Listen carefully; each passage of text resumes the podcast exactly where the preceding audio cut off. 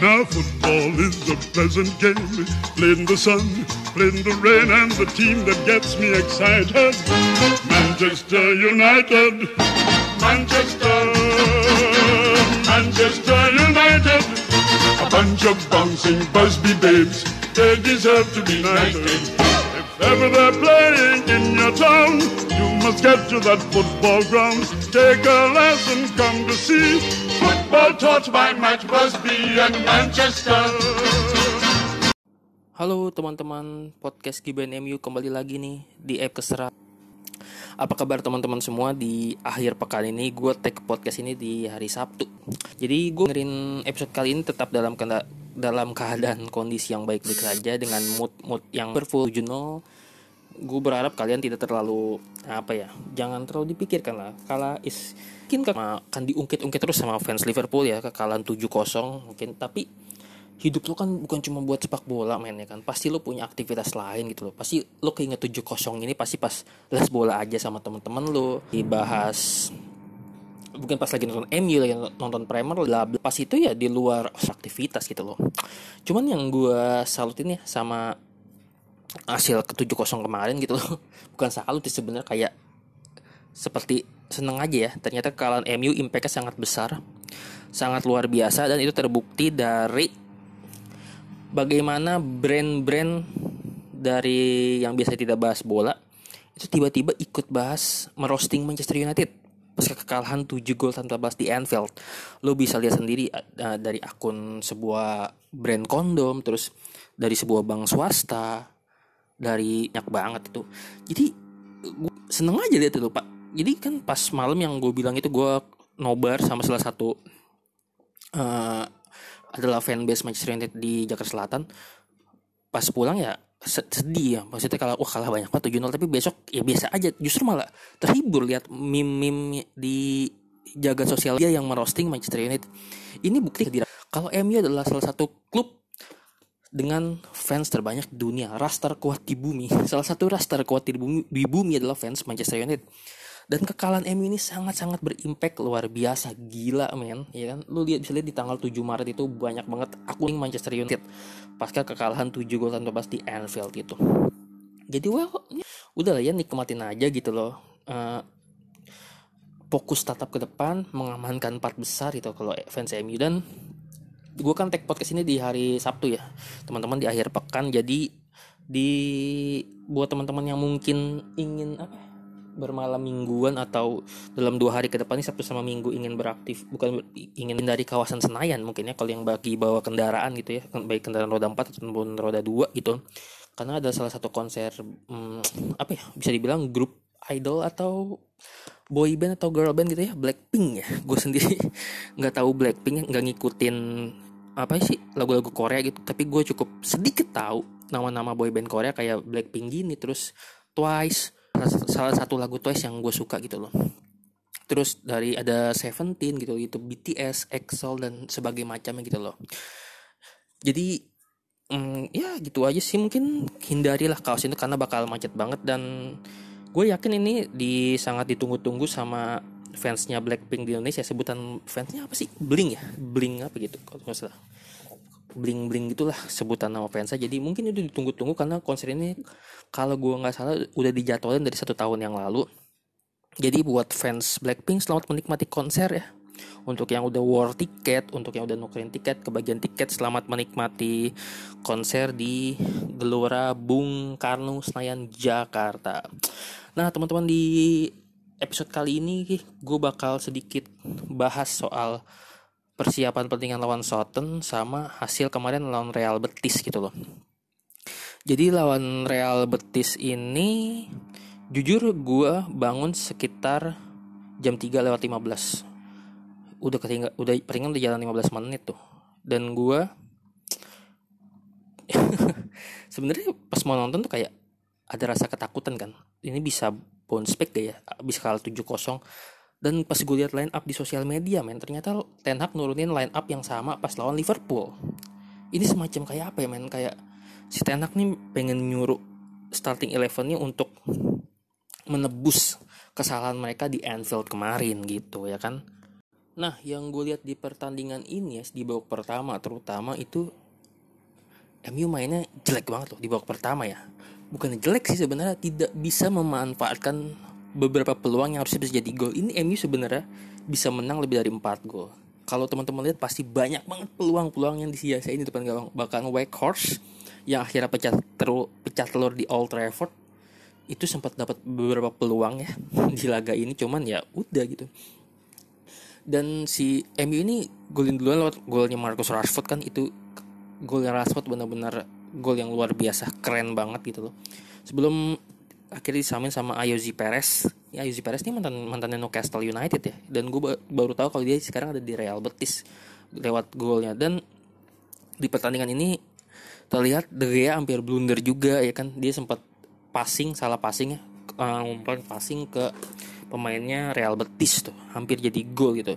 Jadi ya ini dia. De Gea ini bukan kiper yang bisa dibilang kiper yang bisa apa sih ngebangun serangan dari belakang ya. Itu ya mungkin Ten kan pengen kayak gitu kayak kiper-kiper seperti Alisson Becker mungkin Ederson. Tapi De Gea ini bukan tipe-tipe yang seperti ini. Apakah MU akan harus mendatangkan kiper baru di musim panas nanti? Mungkin iya. De Gea hitungan kiper masih muda lah. 31 tahun atau 32 umurnya gitu. Untuk ukuran seorang kiper deh ya itu masih muda gitu loh. Tapi kayaknya dia memang butuh pesaing yang sepadan lah mungkin ya. Kan selama ini di belakang gawang mungkin sebenarnya dia udah beberapa kali bersaing dan dia terlalu menang loh ada Andreas Lindegaard kalau teman-teman ingat ya pertama kali dia datang tuh dia sparring sparring partner sama Lindegaard terus Sergio Romero terus beberapa musim lalu sama Dean Henderson ya kan jadi tapi De Gea tetap jadi kiper nomor satu Man United. Mungkin ini yang diperlukan biar De Gea makin termotivasi ya untuk tetap menjaga uh, apa namanya sih status dia sebagai penjaga gawang nomor satu Man United. Oke babak pertama satu sama di babak kedua baru tuh itu MU yang seperti biasa ya ngegas di babak kedua gitu loh. Ini beda sih sama Liverpool. Justru di babak kedua kemarin pas di Anfield lontang lantung ya porak poranda. Tapi lawan Betis akhirnya nambah tiga gol lagi lewat golnya Anthony terus golnya Bruno Fernandes lewat sundulan terus sama ditutup sama Wakehorse dan Wakehorse ini pecah telur gol pertama dia di Old Trafford ya.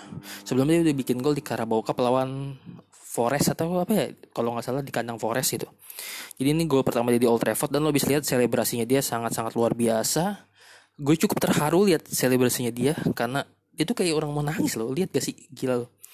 Wakehorse tuh kayak bermain totalitas banget buat dia tuh bener-bener main buat Manchester United. Terlihat banget. Kan ini orang kaya nih ya anak dari orang kaya di Belanda gitu. Jadi kayaknya kalau duit tuh dia udah nggak butuh kali ya. Mungkin sepak bola adalah passionnya dia dan dia begitu bangga ketika apa dipinang Manchester United meskipun statusnya hanya dipinjamkan dari Burnley. Cuman lo bisa lihat etos kerjanya Wakehorse luar biasa banget. Meskipun Wakehorse nih bisa dibilang banyak kekurangannya kalau untuk ukuran striker ya dia tap innya tuh nggak begitu bagus juga ya kan gitu. Cuman ya gue suka pemain-pemain kayak gini loh yang passion gitu loh yang bermain untuk MU gitu loh. Bener-bener lihat dia golin tuh kayak kita tuh ikutan terharu gitu. Ah gila sih memang pertandingan kemarin tuh berhasil bounce back gitu loh. Berhasil dari 7-0 menang 4-1 meskipun di menit ke 86 atau 88 si Ten Hag tuh sempat ngasih gesture tiga di pakai jari tiga ya. Three more again three more again kayak apakah Ten Hag menyuruh pemain-pemainnya untuk bikin 7 gol ya? Mungkin seperti itu gitu kayak untuk melunasi hutang kalian nih di Anfield gitu. Tapi nggak tahu ya tapi Ten Hag gitu sih three more again three more gitu. Cuman ya udah kira menang 4-1 lawan Betis. Apakah ini sudah aman di perempat final di Europa League menurut gue sedikit ya. Sedikit satu kakinya aman di Europa League. Karena sepak bola ada sepak bola kita kita tidak bisa memastikan menang 4-1 kalau teman-teman mungkin udah apa ya udah pernah nonton di Liga Champions 2003 2004 waktu itu AC Milan menang loh 4-1 lawan Deportivo La Coruna di perempat final Liga Champions. Menang 4-1 men. Tapi begitu main di Riazor di kandang Deportivo pas leg kedua Milan kalah 4-0 itu sepak bola gitu loh. Kita nggak bisa prediksi yang kayak gitu-gitu. Secara skor 4-1 unggul plus surplus 3 gol gitu loh agregat 3 gol gitu ya udah aman satu kaki di perempat final. Cuman ya sepak bola adalah sepak bola kita nggak tahu di leg kedua bakal kejadian apa. Cuman ya gue berharap kita bisa lolos ke perempat final ya karena Europa League adalah salah satu ajang yang mungkin bisa diambil lagi trofinya. Ya gue sangat percaya diri ya untuk mengulang musim 2016-2017 ya mengawinkan gelar Carabao Cup sama Europa League gitu loh. Atau mungkin menambahnya sama FA Cup gitu jadi leg kedua nanti bakal berlangsung minggu depan main di Betis. Gue lupa nama kandangnya Betis apa. Ya berharap di sana bisa tahan imbang atau seri juga udah lolos ya sebenarnya. Terus akhir pekan ini lawan Southampton hari Minggu kick jam 9 malam. Di Old Trafford lagi mainnya. Alhamdulillah gitu loh sebelum berangkat ke Betis gitu. Jadi di Premier League gue lupa MU ini unggul 4 poin atau 5 poin dari Spurs ya di peringkat keempat terus jarak ke City MU ini 49 City kalau nggak salah 58 atau berapa ya? 9 poin ya jaraknya berarti kalau gue nggak salah gitu. Jadi ya sekarang di Premier League untuk jadi mengejar Arsenal sama City kayaknya hampir tertutup ya. Ya kan? Bukan peluang sih masih ada hitungan matematis masih bisa. Cuman gue rasa mengamankan posisi empat besar adalah hal paling realistis di Premier League saat ini ya. Sambil fokus untuk di FA Cup sama um, Europa League gitu. Karena dua kompetisi ini masih bisa diperbutkan trofinya sama MU untuk Premier League kayaknya udah jadi milik Arsenal atau City ke depannya gitu. Apalagi Arsenal begitu konsisten ya. Di minggu kemarin mereka menang tuh.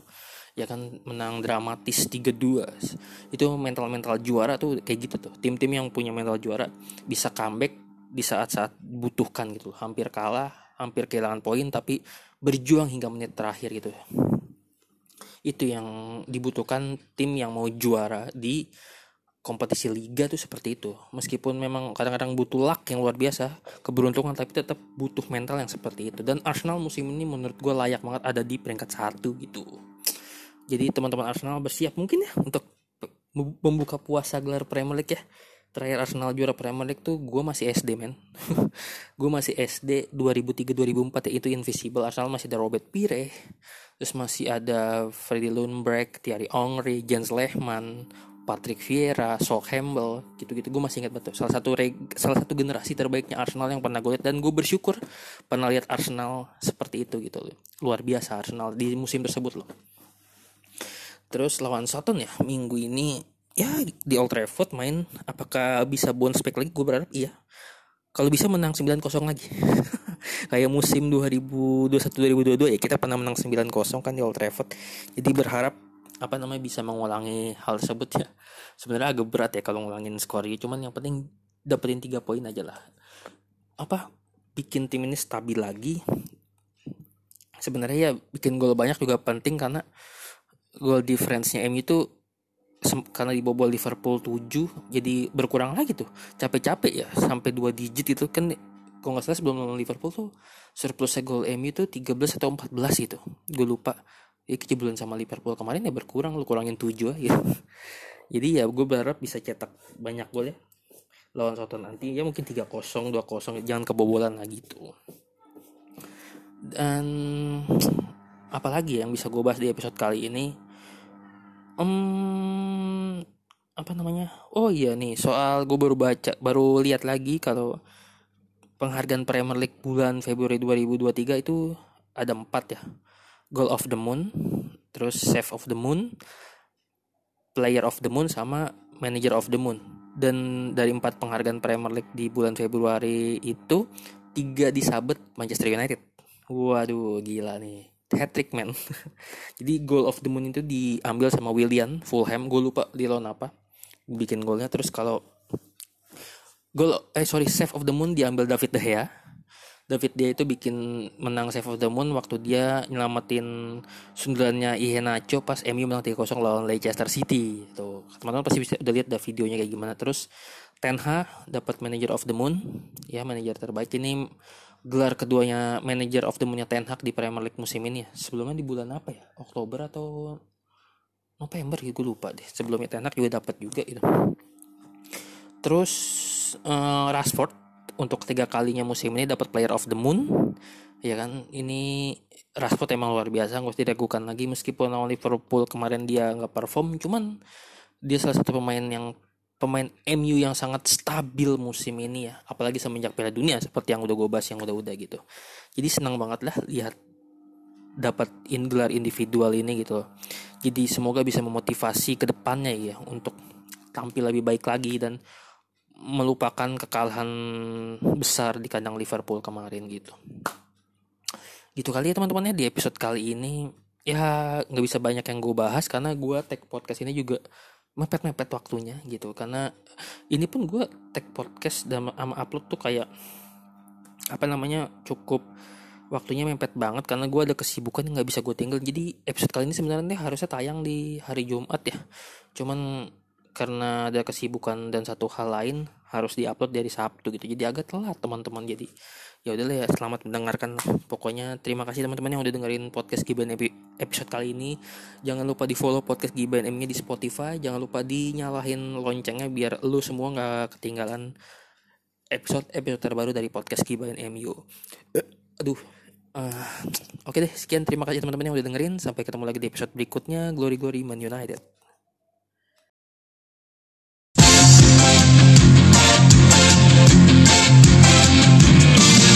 Setiap saat Bayang